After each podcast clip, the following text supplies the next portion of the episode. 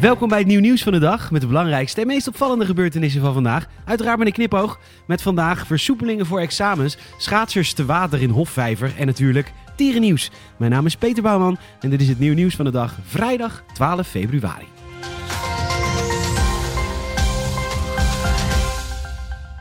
Minister van Onderwijs Arie Slob gaat de eisen voor middelbare scholieren die dit jaar eindexamen moeten doen op drie manieren versoepelen zodat ze toch slagen. Vanwege de coronacrisis zit regulier onderwijs er voorlopig niet in, met als gevolg dat ze massaal zouden zakken als de normale normeringen van kracht zouden blijven. De regels zijn op alle schoolniveaus van toepassing. Ten eerste wordt de planning verspreid over een langere periode, zodat ze zich beter kunnen voorbereiden op de centraal schriftelijke examens. Daarnaast krijgen kandidaten de mogelijkheid om een onvoldoende op een van hun vakken niet mee te laten tellen voor hun eindbeoordeling. Dit mag ieder vak zijn, behalve de drie kernvakken Nederlands, Engels en wiskunde. Hier moet nog altijd op zeker twee van de drie een 5,5 of hoger worden gehaald. Hierbij krijgen leerlingen een extra kans op een herkansing, waardoor ze bij elkaar opgeteld drie pogingen mogen doen om een eindexamen naar behoren te volbrengen. Daarnaast krijgen ze ook extra ondersteuning als dat nodig is, vertelt Slop na de ministerraad tegen RTL Nieuws. Er wordt een budget van 37 miljoen vrijgemaakt voor extra ondersteuning en begeleiding. Scholierenorganisatie LAX vindt de tegemoetkomingen niet ver genoeg gaan. Zij zouden liever zien dat de extra vrijstelling voor alle vakken zou gelden en dat de aanpassingen veel verder zouden moeten gaan. Wat dat precies is, is onduidelijk. Waarschijnlijk gratis diploma's voor iedereen. Het is tijd voor het nieuw nieuwsgetal van de dag. Je krijgt nu een getal en aan het einde van de podcast de context. Het nieuw nieuwsgetal van de dag is 18.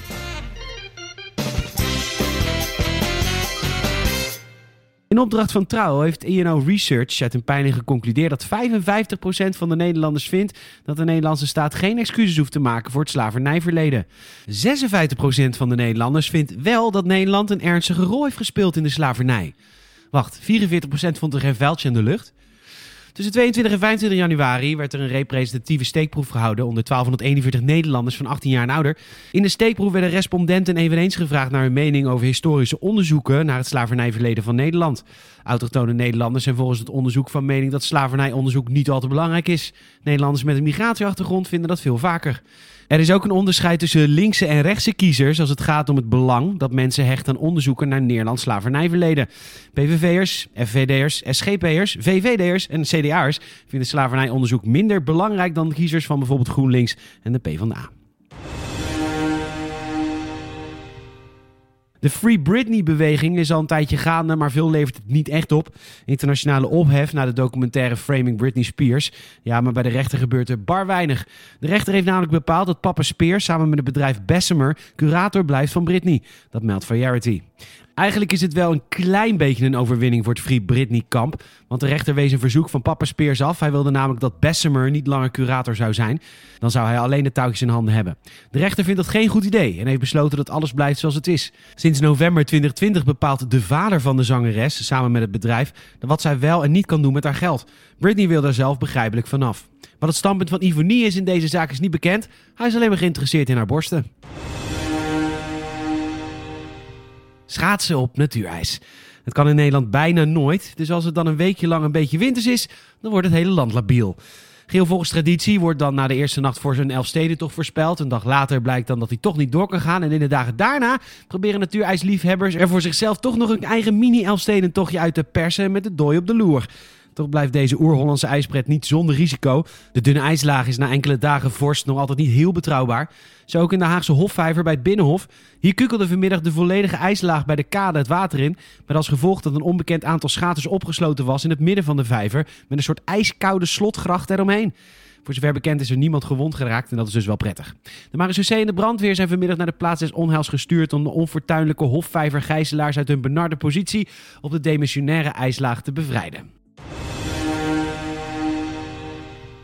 Dierennieuws. De Russische stad Jezn... Een Russische stad is in de ban van een mysterie rond blauwe honden. Sinds een tijdje lopen er honden met een blauw vacht rond door de stad. De gewaarwording wordt op dit moment onderzocht door de lokale autoriteiten. De kleur van de vacht wordt waarschijnlijk veroorzaakt door afvaldumpingen van een inmiddels gesloten fabriek. Volgens inwoners dumpt een oude plexiglasfabriek afval rond de stad. Onder andere met de chemische stof kopersulfaat. Klinkt lekker. De droge variant van die stof is wit van kleur, maar als het in contact komt met water wordt het blauw. De witte honden zijn wellicht door de sneeuwval van kleur veranderd. Dierartsen maken zich zorgen over de honden. De stof kan, wanneer het in contact komt met de huid, een brandend gevoel geven. Het leuke kleurtje is dus waarschijnlijk zeer onprettig voor de viervoeters. Om de precieze oorzaak vast te stellen wil de gemeente de honden vangen. En een foto van een van die blauwe beestjes is natuurlijk te zien op nieuwnieuws.nl.